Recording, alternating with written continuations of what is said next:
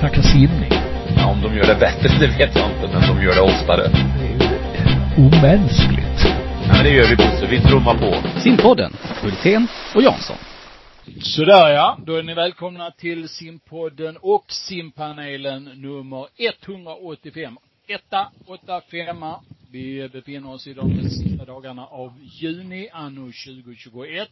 Och eh, med oss så har vi följande, nämligen dagens gästartist, SM-generalen Dennis Fredriksson. Varmt välkommen. Var är du någonstans? Jag är faktiskt i Halmstad och uh, tittar på när de håller på att bygga upp den nya SM-arenan här. Mm. Det är där SM-generalen ska vara, naturligtvis. Ja, nu är inte jag SM-general. Jag tycker att Stefan Adlerborn är det i arrangörsklubben här, men Ja, ja. jag är Men åtminstone med och hjälper till. Du fick den här generaltiteln i samband med Swim Open i våras, så nu, man Ja. kan inte stiga, alla kan inte stiga av sina befattningar i Sverige. inte samtidigt. Nej, inte samtidigt, för då går det åt helvete. Eh, långt nere i eh, de södra delarna av den svenska skärgården, där sitter Camilla Johansson Sponseller, medlem i simpanelen. Eh, var är du någonstans? Jag är på eh, Plaitas i Fuerteventura tillsammans med eh, Anna Hammar, eh, kommissionschef på simförbundet och eh, ett helt gäng med mina simmare från Umeå. Mm. Tänkte säga, vad gör ni där? Vi tränar massa. Så är det ja. Eh, Marcus Wernström från Motala. Är du i Motala just nu? Ja, jag har precis landat i Motala. Jag har firat midsommar på, på Gotland över helgen. Mm. Mm. Landade för en timme sedan. Bra. Så full av energi här nu och tar tag i, i SM. Ta tag i livet. Ja, Eh, Thomas Jansson, mannen i skogen. Då kommer jag att tänka på Willem Moberg, men den liknelsen tog slut där. Var, är du i skogen idag också? Jag är i det vackra, sagolika, fantastiska Filipstad.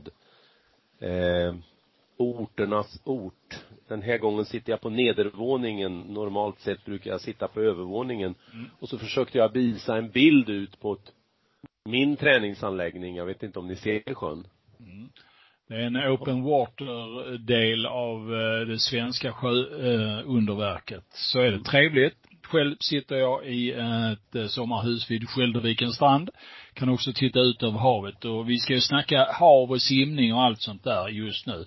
Eh, Dennis, om du nu bara är general, inte SM-general, så ska du i alla fall jobba väldigt mycket med SM som flera av oss andra också. Eh, vad händer just nu i Halmstad på brottet? Ja, just nu så har IC Control kommit och börjat sätta upp de första LED eh, LED-skyltarna och det som ska vara med kring tidtagning. I övrigt så är det ganska färdigt här. Vi har lite bodar och vi har lite tält som kommer levererande ikväll. Eh, Det är en ganska skön stämning här faktiskt. Det Mm. kommer att se jättebra ut imorgon klockan 12 när de första klubbarna kommer hit för insim då. Det här är ju ett annorlunda SM. Det är ju inte som det brukar vara och grundförutsättningarna inför SM 2021 var ju egentligen att Halmstad var en del av SM-veckan.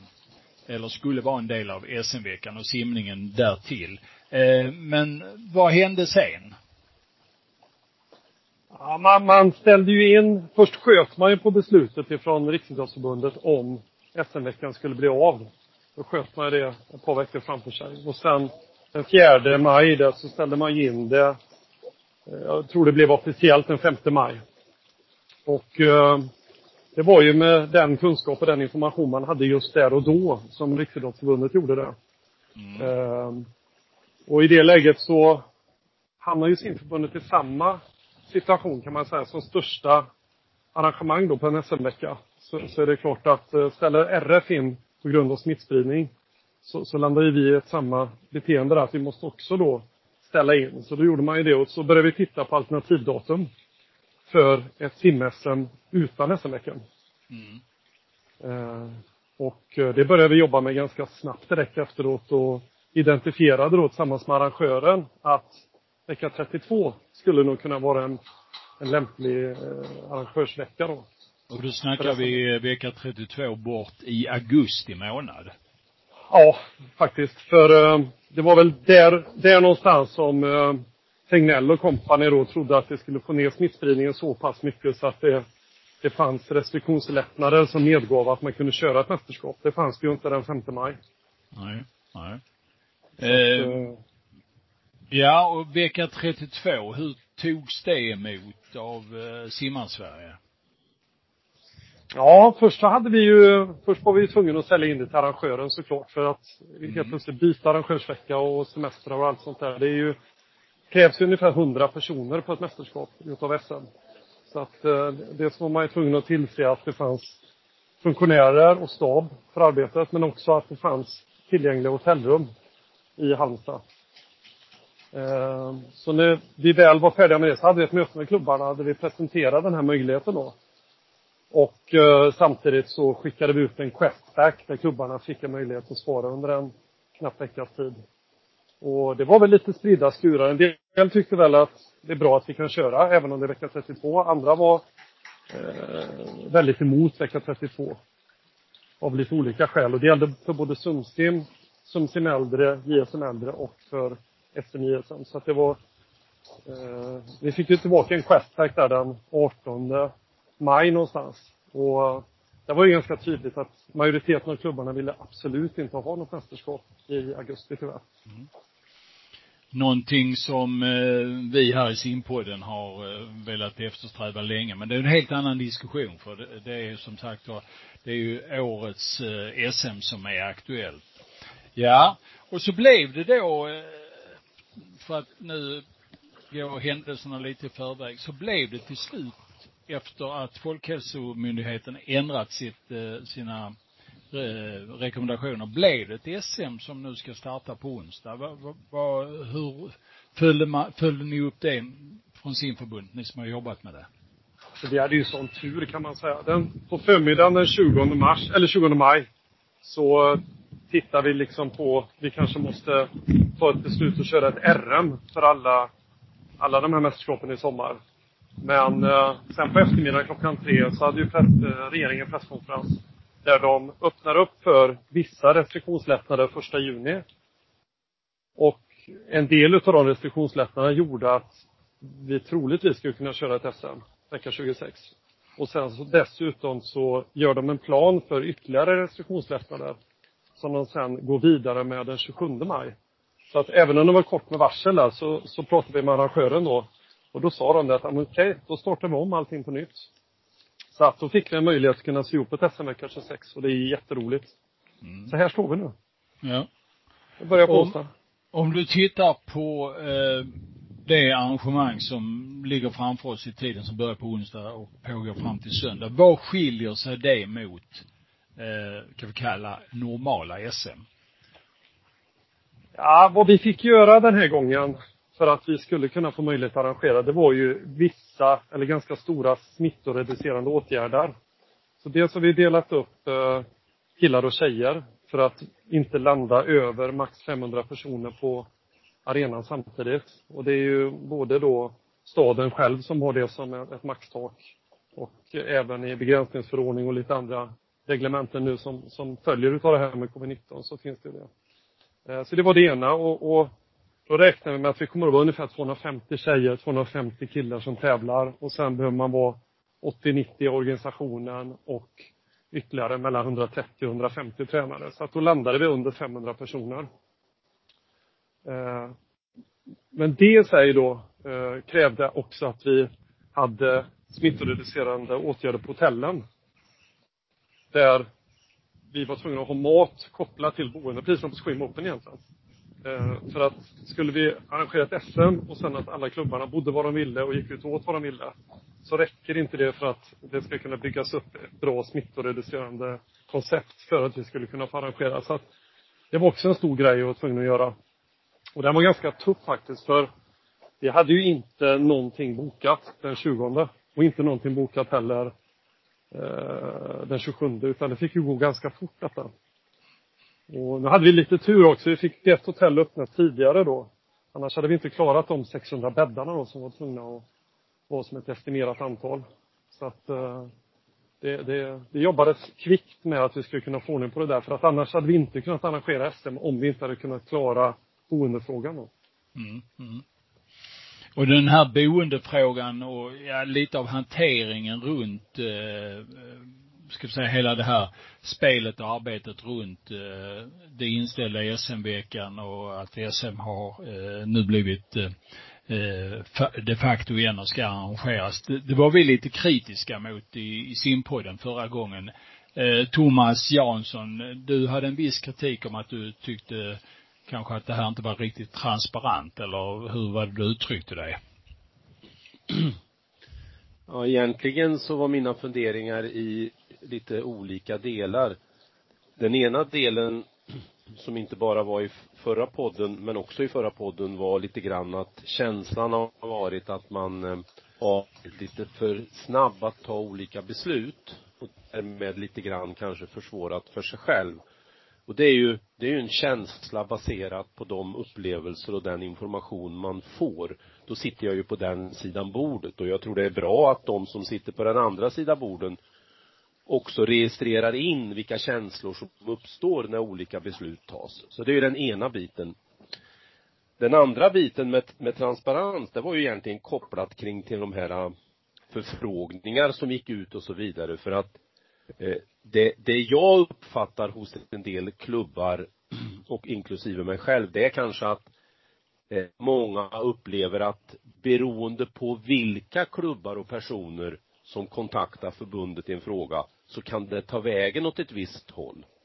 Och då blev transparensfrågan väldigt viktigt att veta är det 75 klubbar som har svarat, vad har man svarat och så vidare. Så det var i det, i det perspektivet och det tror jag det tror jag inte bara gäller simförbundet, utan gäller ju, tror jag, de flesta organisationer, det är att hitta den där lagoma mixen med transparens och så för att hur gärna vi än vill att ett budskap ska uppfattas exakt så som vi har sänt det, då blir ju ofta sanningen att det sitter en mottagare och tar emot budskapet. Mm. Dennis, eh, du, du som har jobbat med det här, vad, vad säger du om det Thomas säger nu? Ja, men jag tycker det är jättebra det Thomas tar upp där. Och faktum är att hade vi inte haft en presskonferens den 20 maj klockan 15.00 som, som öppnade upp Pandoras box där. Så för att vi skulle kunna arrangera, så hade vi ju gått ut med den informationen. Men i takt med att vi såg att det fanns möjligheter att vi skulle kunna arrangera vecka 26, då försvann ju det. Då blev det en icke-fråga. Men, men faktum var ju att, att det var en majoritet som inte ville att vi skulle arrangera i augusti. Och det gällde inte stora klubbar eller små klubbar, utan det gällde alla klubbar. Mm. Så, och det var heller inte liksom några procentenheter hit eller dit, utan det var 34 procent ville ha ett SM i augusti och 30, eller ett Sumsim i augusti och 37 procent ville ha något och så vidare. Så att det var så pass stora slag, vilket gjorde att eh, och det var också väldigt goda skäl till varför man inte ville ha det. Och det gällde alltid från minsta klubben till stora klubben. Så att det, det här med att det är stora klubbar som har fått råda, det stämmer inte. Men däremot så är det stora klubbar som har fått vara med och, och det ses då, där jag kontaktade 20 klubbar där de fick vara med och besluta om vi antingen skulle ha SM på två och en halv dag för tjejer och två och en halv dag för killar. Eller om man skulle ha fem dagar blandat med tjejer och killar. Olika tävlingspass. Så där fick eh, ses vara med och råda innan vi tog det beslutet. För vi var lite oense internt och då ville vi fråga klubbarna. Så jag tycker vi har varit helt transparenta. Men faktum är att vi hade ju kunnat lämna ut den här statistiken. Men den, den har aldrig varit på tal för att det blev en icke-fråga när vi kunde arrangera. Men, men fråga, jag, jag ska in, in, inte förlänga för mycket kring min, mina punkter men, men det är ju som så att det här med eh, planeringen utav årshjulet och så, det är ju en fråga som är en, en, om inte ens ständigt pågående så är den ändå fram och tillbaka hela tiden och det finns olika infallsvinklar så det är klart att det även efteråt nu om det inför det här SMet betraktas som en icke-fråga så är det ju ändå intressant att veta hur hur landet ligger, hur ser det ut, vilka klubbar tycker si, vilka klubbar tycker så, vilka motiv finns. Mm. Det tror jag simmar-Sverige blir starkare av. Mm. Ja, det, det, det, det, hade faktiskt aldrig, det har aldrig varit uppe internt i med tanke på att det blir en icke-fråga. Men det finns ju ett beslutsunderlag som vi förberedde till styrelsen. Så de har ju varit med i arbetet hela tiden, styrelsen. Eh, både när vi tog fram ett sådant beslutsunderlag och även när vi sa att vi tar en eh, vi tar en vända till och ser om vi kan arrangera vecka 26. Mm. Eh, Marcus och Camilla, förra simpanelen så var ni eh, kritiska mot kostnaderna för, eh, det här med boendet under SM. Camilla, du, du, du var lite på där. Tycker du samma idag eller? Alltså jag vet ju att eh, Dennis har gjort ett jättearbete med att få de bästa priserna möjligt. Men det, hin- det ändrar ju inte det faktum att det är en dyr kostnad för föreningarna och dyrare än vad det var om SM hade varit som det skulle varit från början. Ja. Eh, och, och det är väl inte det, det, det är bara fakta, det är ju liksom ingenting att diskutera att det, att det blev dyrare. Det blev det. Marcus, du hade också åsikter i den här frågan med, med boende och sånt där, vet jag. Ja, eh, först och främst så är det ju kanon att Dennis kommer in och förklarar. Jag tänker på den här kommersiella eh, radiokanalen som har det som punkt Micke förklarar. Vi kanske ska ha Dennis förklara där i podden. så det är jättebra. Du gjorde något liknande inför Swim Open också där allting blev glasklart. Eh, ja, eh, jag vet jag tror att vi var, var lite slarviga när vi uttryckte oss där dyrt. Jag vet att Dennis har förhandlat med de här hotellen och jag förstår vecka 26 i Halmstad, det är ingen, ingen lätt utgångspunkt. Men är det någon gång som klubbar verkligen försöker pressa ner sina utgifter så är det oftast vid sommarens mästerskap. Man hittar andra lösningar, man hittar vandrarhem, man hittar stugor, man tar med sig matlag. Jag pratade med en, en en stor klubb som är duktiga på det här, eh, som räknar med att de kommer fördubbla sina kostnader i samband med det här mästerskapet. Mm. Men eh, återigen, det är en engångsgrej och eh, ja, du har, du har förklarat det bra som sagt också. Dennis, gick det liksom inte att låta klubbarna agera fritt här eller förklara? Nej, då har vi ju inte något smittoreducerande program och det, det är ju väldigt tydligt både från eh, destinationen här nere och även ifrån eh, Folkhälsomyndigheten att ska man arrangera ett arrangemang så ska det finnas smittoreducerande åtgärder. Och att då låta alla bo och äta var man vill, eh, det är ju inte smittoreducerande. Utan då, då sa vi det att vi hade ju goda erfarenheter utav Swim Open där vi gjorde 485 tester, alla var negativa. Då sa vi det att nu, nu tittar vi på en lösning som gör att alla de som ställer krav på smittoreducerande åtgärder blir nöjda. Och eh, då identifierade vi fyra hotell som eh, när jag var där och träffade dem, jag tyckte hade bra eh, matsalar. Alla fyra var beredda att göra särskilda ytor för simmarna, både när det gäller frukost, lunch och middag. De var villiga att jobba med slottider som var avgörande. Eh, och då tog vi de fyra. För att annars hade vi inte kunnat arrangera alls. Så det var, och, och ingen utav oss Nej. vill ju detta. Alltså det här vill vi ju inte. Nej. Alltså vi vill ju inte ha fyra stycken hotell. Vi vill ju inte, vi vill ju att alla ska bo var de vill. De ska kunna äta vad de vill och när de vill. Men den här gången och det här året så funkar inte det om vi ska arrangera ett SM. Thomas? Men nästa år, Är det nästa år regelverket funka. som gäller i i juni som Halmstad och ni har jobbat efter eller är det regelverk som träder i kraft första juli? Och som man gick ut med redan runt 10 juni hur det skulle bli efter första juli? Vi har jobbat lite- med, Alltså, ja, vi har jobbat som- med det regel, ja, vi har jobbat med det regelverket som var i maj. Eh, och när vi gick ut med de här hotellalternativen då så kunde vi bara garantera rum också fram till den 4 juni. Och det, det är också så med sån här information att mycket hinner ju ändras vecka till vecka. Just nu hade vi någon presskonferens idag där de säger att nu kommer de öppna det och det. Och, men vid varje beslut man tar så kan man egentligen bara ta beslut med den informationen vi har just där och då. Inte förhoppningsfulla beslut för att det såg vi vad som hände i april, maj. Det här med att man sköt hela tiden på besluten. Och det skulle vara det värsta egentligen som vi drabbades utav. Det är att vi skulle landa i ett beslut där alla får bo och äta var de vill och sen så skulle ett sådant beslut vara avgörande för att vi inte kunde få arrangera. För att man inte släppte på eh, restriktioner. Ni, ni, ni förstår att man kan bara jobba med den information man har i nuet. Mm. Så man är garanterad att det här vet vi. Generellt kan man ju säga så här att det, det är ju en, nu är det ju ett engångstillfälle, hoppas vi naturligtvis va. Eh, det vet man ju inte. Men eh, generellt så finns ju en diskussion också om kostnader i samband med mästerskap. Eh, kustnära städer, Halmstad är ju ett eh, högkostnadsställe under sommaren. Ska man arrangera mästerskap på den typen av orter? Ska man köra många in-SM i Stockholm där det är väldigt dyrt att bo under veckodagar under vintern och så vidare. Det är ju en helt annan diskussion som vi inte ska föra här men, men alltså den diskussionen borde ju finnas också.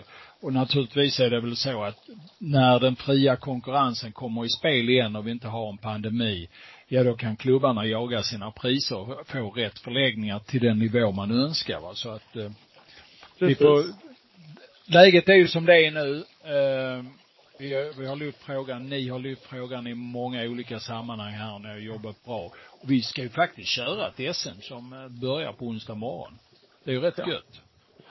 Absolut. Just va? nu känns det ju fantastiskt men eh, ja. för tre veckor sedan så var det ju fortfarande lite osäkert. Eller ja. fyra veckor sedan. Så att eh, vi är glada. Marcus, Camilla, Thomas, har ni mer eh, frågor och kommentarer till eh, Dennis? Vi kommer säkert komma eh, tillbaka i olika sammanhang där vi pucklar på varandra lite grann. Det är nyttigt för utvecklingen. Det ska bli gott att se dig i Halmstad, Dennis. Ja. Vi Detsamma till er. Eh, vi ses på plats. Eh, ha det gott Dennis, så, så eh, inträffar vi eh, som sagt allihopa kanske mer eller mindre i Halmstad på onsdag. Så tackar vi för ditt deltagande i podden. Ska vi fortsätta med simpanelen. Tack Dennis Fredriksson. Tack för att jag fick vara med. Tack, tack. Mm. Ha det gott. Hej då. Jansson, simpanelen eh, 28 juni. Vad eh, ska vi mer fundera på och snacka om idag, tycker du? Men, jag tycker vi gott tar ner oss lite i eh, vad som hände i helgen och vad det kanske kan få för konsekvenser fram emot eh, OS. Vi pratade ju senast kring lite grann eh, lagkappsmedaljchanser. Eh, du Bosse eh, bollade upp 4 gånger 100 frisim som minst lika intressant som 4 gånger 100 medley eller kanske till och med intressantare. Eh, och så har vi sett då Michel Coleman göra det där ryggsimsloppet som vi har väntat på i helgen till exempel. Så, så vi kan väl snacka lite OS. Mm. Följde, följde du tävlingarna eh, där nere i Rom, Marcus? Ja, jag gjorde det. Jag hade ingen sån där helt utcheckad helg utan eh, mobilen var framme då och då. Mm. Eh, och eh, det var ju många, många glädjeämnen där. Sara simmar fort, men frågan är, simmar hon tillräckligt fort? Fick hon de svaren hon vill ha? Mm. Tittar man tillbaks till eh, 2016 eh, då, förra OS-året, så på 100 fjäril så simmar hon ju under 56 sekunder både på EM och hon gjorde det på SM innan avresa. Nu är det ju ett helt annat läge. Eh, så där, jag är fortfarande tveksam. Kommer hon till start på de här distanserna? Eh, jag tror ju fortfarande att hon, eh, hon, eh, nu är det ingen fakta, absolut inget. Nu är det bara gissningar här att hon, hon väljer att gå för den här 50 frisim som går sista, sista OS-dagen och ger sig själv chansen till att ta guldet där och då behöver hon nog hushålla med krafterna på vägen fram. Hon kommer ju absolut inte göra det i lagkapperna utan där, eh, där kommer hon vara med och ställa upp. Men eh, då är det att stryka ner sig på antingen 100 frisim eller 100 fjäril eller både och. Mm. Jag tror att hon går för 50 frisim. Camilla, tittade du på eh, sju kullars? Ja, jag har kollat på resultaten. Vi har lite svårt att se något härifrån, men eh, det har vi följt med stort intresse jag säger vi, eh, jag och Anna eftersom, ja, jag sitter här med, med Anna Hammar. Ehm, så det har varit jättespännande att följa. Jag tycker de har varit väldigt eh, duktiga. Um, det var ju skönt att se Mich Michels hundefrisim, att det lossnade för henne och hennes hundrygg var ju fantastiskt. Nu var ju fyra tiondelar under svenskt rekord. Mm. Vilket var jättebra. Och, och det var också kul att se att Sara simmar så snabbt, att hon har liksom kvar sin så här killer instinct att liksom försöka vinna. Vinna skallen i där till liksom 100 procent. Oavsett omständigheterna. Um, och det var väl liksom lite intressant att följa lite hur de andra simmade också. Jag tyckte kanske Sara Junevik visade väl lite att hon hade verkligen tagit ut det på EM. Så det var inte jättemycket jättemycket tanken till den här tävlingen. Eh, och det är ju förståeligt. Eh, jättekul också att följa Björn Seiliges 50 frisim, eh, som hade väldigt sorgliga omständigheter. Hans pappa gick bort i cancer. Började åtta dagar innan han skulle köra de här loppen. Eh, och hans pappa har ju varit en väldigt stor supporter av honom hela tiden. Så det var ju väldigt tufft för honom att komma och tävla. Han har inte simmat på en vecka och så kom han dit och först gör en 50 strax över kvalet och sen så drar en 50 till i en hundring och kommer en bra bit under och fixar OS-kvalet. Eh, och det, det känns ju som att man hoppas verkligen att, att SOK tar ut honom för, för det här loppet. Eh, så det börjar kännas ganska bra tycker jag inför OS. Mm. Eh, hoppfullt. Jansson, du har ett visst engagemang i olympiska spelen i år. Ska kommentera det i tv. Vad eh, är dina eh, bilder av det som spelades i eh, Roms Olympiastadion? Det var, det var det är intressant att följa eh, i det här fallet Marcus resonemang kring en eventuell strategi från, från Saras sida och den, den är den är ganska sannolik. Eh, sen beroende på av vilka grunder det är jag lite mer osäker på men om hon skulle välja att simma 100 fjärilsim så är det ju lite besvärande med så bara fyra veckor kvar eh, att vara så pass långt ifrån och att andra 50 fortfarande går långsamt. Nu kan ju det helt bero på att hon inte har släppt någonting dagarna innan Rom. Så det kan finnas väldigt naturliga förklaringar till att hon går hem på 31 med en ganska blygsam öppning till 50. Så där har hon lite att fund- det är ju möjligt att det ger henne svar som inte då vi har och ser och så vill hon försvara sitt guld. Eh, om hon skulle välja den andra vägen, då tror jag ändå hon simmar 100 frisim också. Eh, jag det, det tror jag hon, historiskt sett så har hon ändå mått ganska bra av ganska många lopp på ett mästerskap.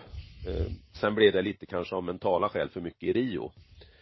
Eh, sen då om man värderar hennes chanser så är det klart att lite besvärande är att hon har två, två gånger i rad blivit eh, uttouchad utav Pernille Blom.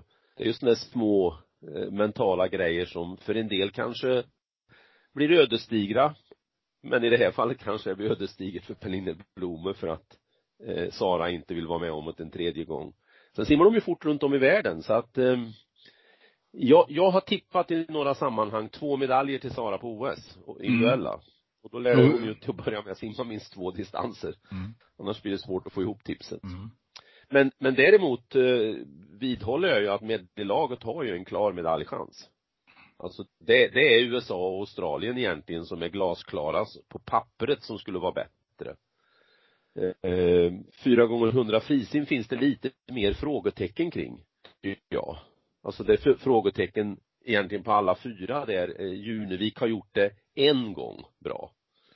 Eh, Michelle är inte nere än. Hon är ju inte heller färdigtoppad förstås.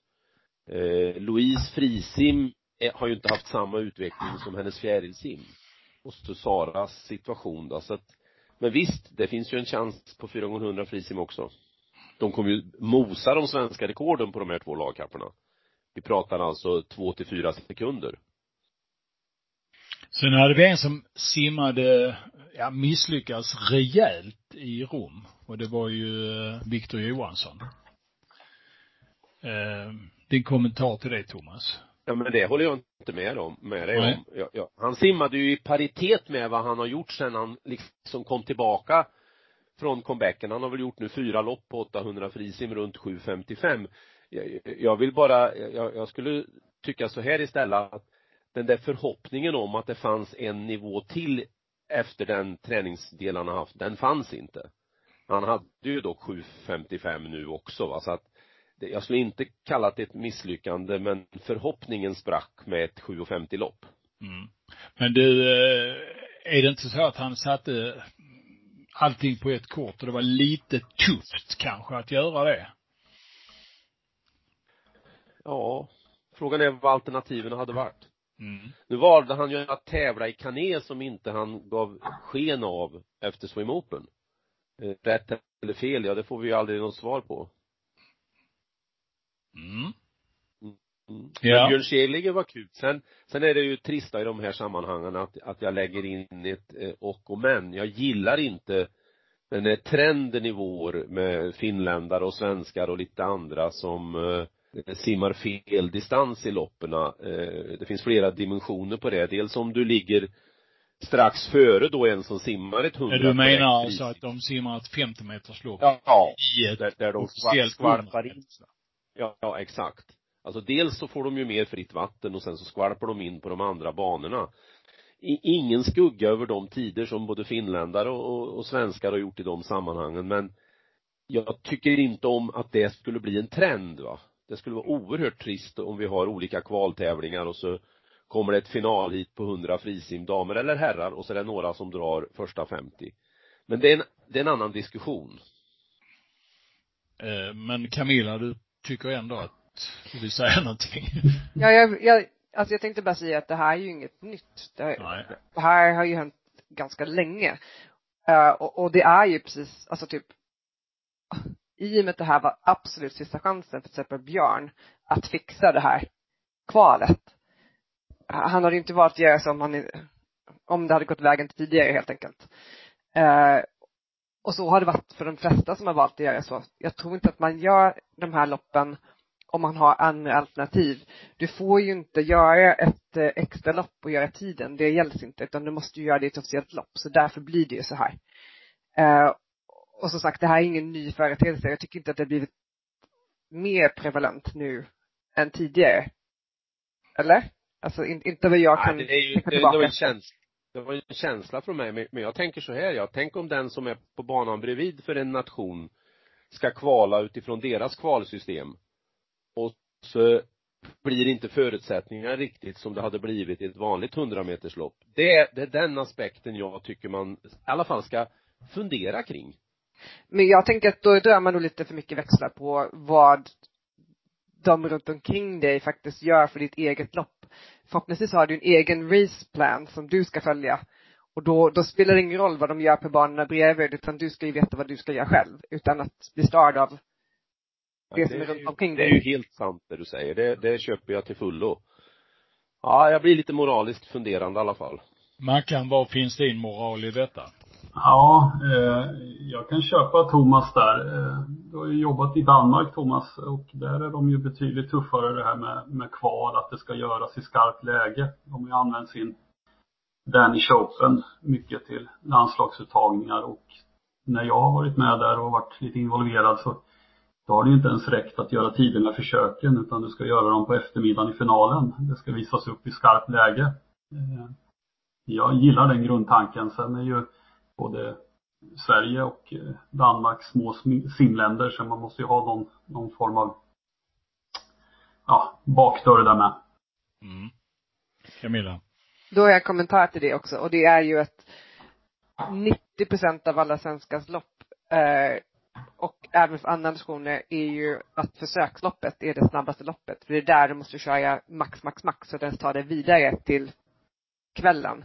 Om, och är det någonting som vi kanske ska komma bort ifrån lite grann, det är väl det här tänket att man eh, ska simma snabbt på kvällen enbart. För tar du inte dit, då, då spelar det ingen roll. Eh, så man måste kunna simma snabbt på morgonen också. Jag, Mm. alltså tveklöst, men det blir, det blir lite olika delar i de här frågorna, för det håller jag helt med dig Camilla. Prat om morgonsimningar som en ursäkt håller ju inte när det blir skarpt läge på ett internationellt mästerskap. Och, och jag kanske inte var helt bekväm med, med, med Danmarks lite mer alltför rigida sätt att- att simma på det egentligen. Utan det blir, till slut kokar det ner i, ja men är det 100 frisim, då simmar vi 100 frisim och det kanske är bara att jag börjar bli lite för gammal i frågan. Mm. Ja, ja, så kan det ju vara. Det, det har vi vetat länge, Thomas, men, Mm. eh, Tack. men som sagt var. Ja, eh, simpanelen, vad ska vi mer snacka om? SM, SM? vad har vi för förväntningar tycker jag jag vill veta? Ja, Marcus, har du några förväntningar på SM för egen och andras del? Ja, för egen del så får jag åka dit igen efter, efter att ha varit nere i källaren och fiskat upp nya simmare.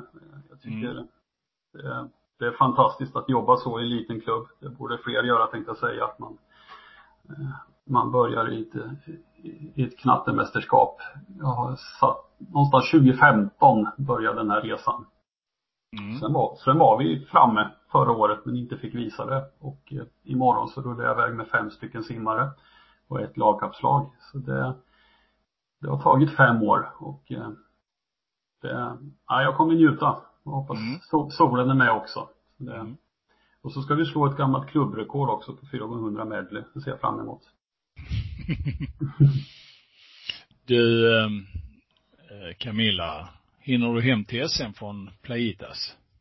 Nej, eh, det blev faktiskt så att vi ställde frågan till våra simmare och vi hade väl en 13 simmare tror jag som skulle kunna teoretiskt åka till SM. Men de ville inte. Eh, De tyckte det var för kort varsel och de hade ställt in sig på att det var inställt. Eh, Och vi visste att det, det, skulle inte bli något RM i år eftersom navet stängde vår simhall. Eh, Så de hade liksom börjat koppla ner och börjat fundera på mästerskap i augusti istället. Ehm, så vi har bara en simmare som åker dit och simmar ett lopp nu på onsdag. Och han åker dit med Västerås, hans gamla förening.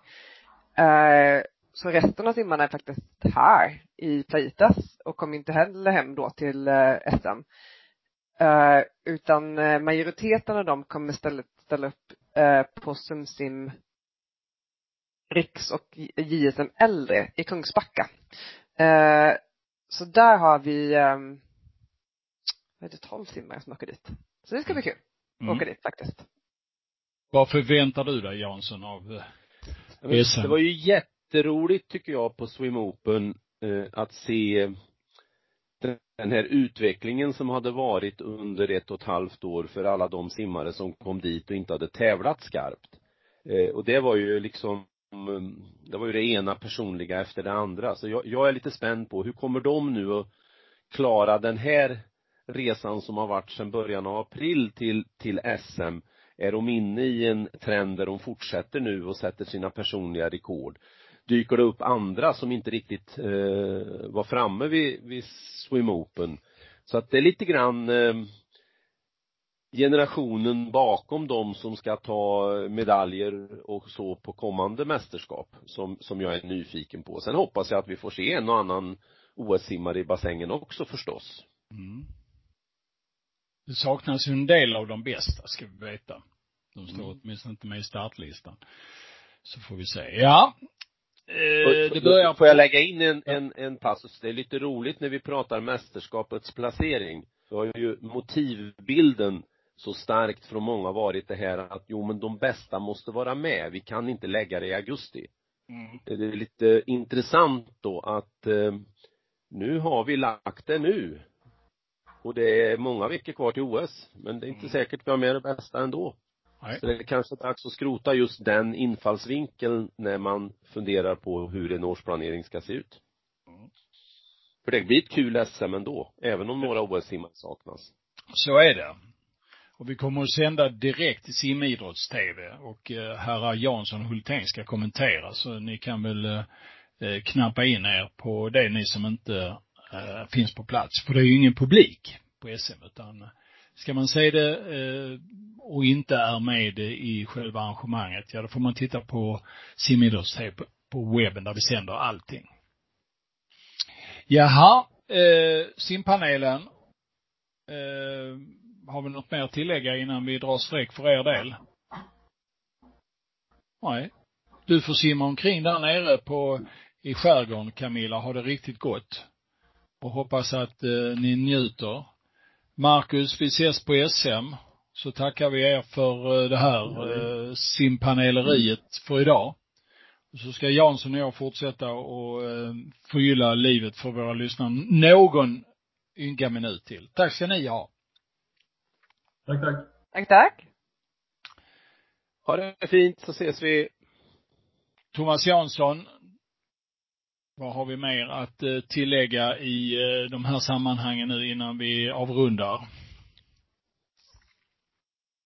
Nej men jag tycker vi ska återkomma till Björn Seliger. Mm.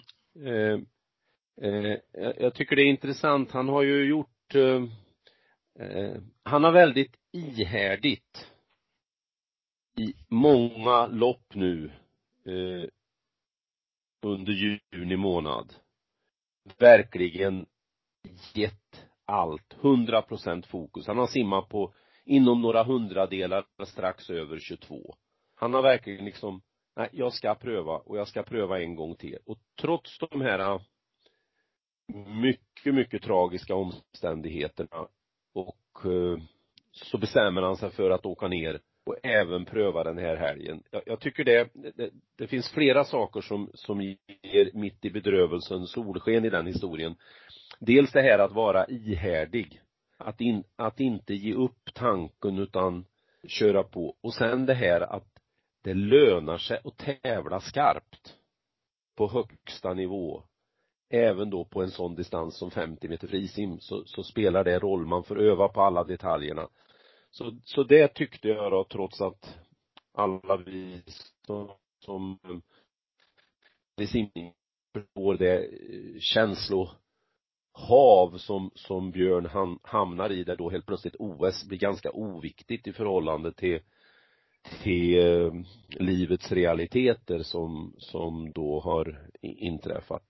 Så det, det tycker jag var intressant och blev, eh, jag blev väldigt glad då när han fixade till och det var ju ingen liten tårtsmula han, han eh, passerade 22 med utan tre tiondelar alltså det är det är en ganska lång bit i de där sammanhangen så det var, det var jättekul. Mm. Bra jobbat Björn, tycker vi. Ja. Mm. Eh, sen, sen tycker jag ju det är intressant att följa den här medlemlagkappen som vi har bollat upp nu sen ett halvår tillbaka med, med det vi också har varit inne på uppställningen som nu kanske blir verklighet. Det vet vi ju inte än men det är ju mer och mer som, som lutar åt att det blir eh, Michel på rygg och eh, Sofie på bröst, Louise på fjäril och eh, Sara på frisim. Alltså det Alltså, det, det luktar ju en bit under 3.52. Det, det, den, den dagen kan bli väldigt, väldigt spännande där i Beijing. Mm. Eh, liksom fyra gånger hundra frisum, alltså första och sista dagen kan liksom bli thriller, en riktig sån där lagkappstriller som vi får hålla tummarna att vi kan vara på rätt sida. Mm. Eh, så att, eh, nej det är trots allt mycket trevligt att se, se fram emot. Ja, sen måste jag ju berätta för dig Bosse, jag har gjort den första eh, bassängturnén. Ja, just det. Jag har varit och samlat in sex bassänger. Mm. Jag har dem i garaget här ute. Börjar Mm. bli fullt nu. Räkna med att få till en fyra, fem bassänger till inom löpet av eh, knappa 14 dagar. Och sen skickar jag över till dig bilder och lite texter och så får de eh, gissa lite. Det har ju varit Trevligt. två år utav 50 meters bassänger. Mm. Mm. Ja, det blir Det bra. bli Det är någonting att Ja. se fram emot. Men närmast ser vi fram Ja, emot precis. SM. Yes. Och SM som vi börjar sända klockan 10 på onsdag morgon från Halmstad. Då hoppas vi att ni är med oss allihopa. Vi är med, du och jag Jansson i alla fall. Jajamän. Hoppas vi. Bra. Eh, därmed så drar vi ett streck för eh, den här eh, 45 minuter långa inspelningen från simpodden Hultén och Jansson med simpanel och gästartist i form av Dennis Fredriksson denna dag. Har inte mer att säga? Nej. Nej, men ehm, eh, följ SM-tävlingarna eh, och i alla sammanhang påpeka hur bra simning är och vilken världsidrott det är. Och så kan man ge, vara lite sarkastisk och säga som så här, tänk om Michelle hade slagit bara säsongsbästa. Då hade hon fått vart på text-tv. Nu slog hon svenskt rekord. Då fick hon ingen egen rubrik på text-tv. Det fick man om man slog säsongsbästa. Mm. Eh, det. det är ju en intressant nyhetsvärderingsgrej. Mm. Mm. Du, eh, där drar vi strecket, inte i Mångsbodarna utan i simpodden. Tack för idag, slut för idag och eh, på återseende och återhörande allihopa. Tackar. Nu ska vi snacka simning. Ja, om de gör det bättre, det vet jag inte, men de gör det oftare. Det är ju omänskligt. Ja, men det gör vi Bosse, vi trummar på. Simpodden, Hultén och Jansson.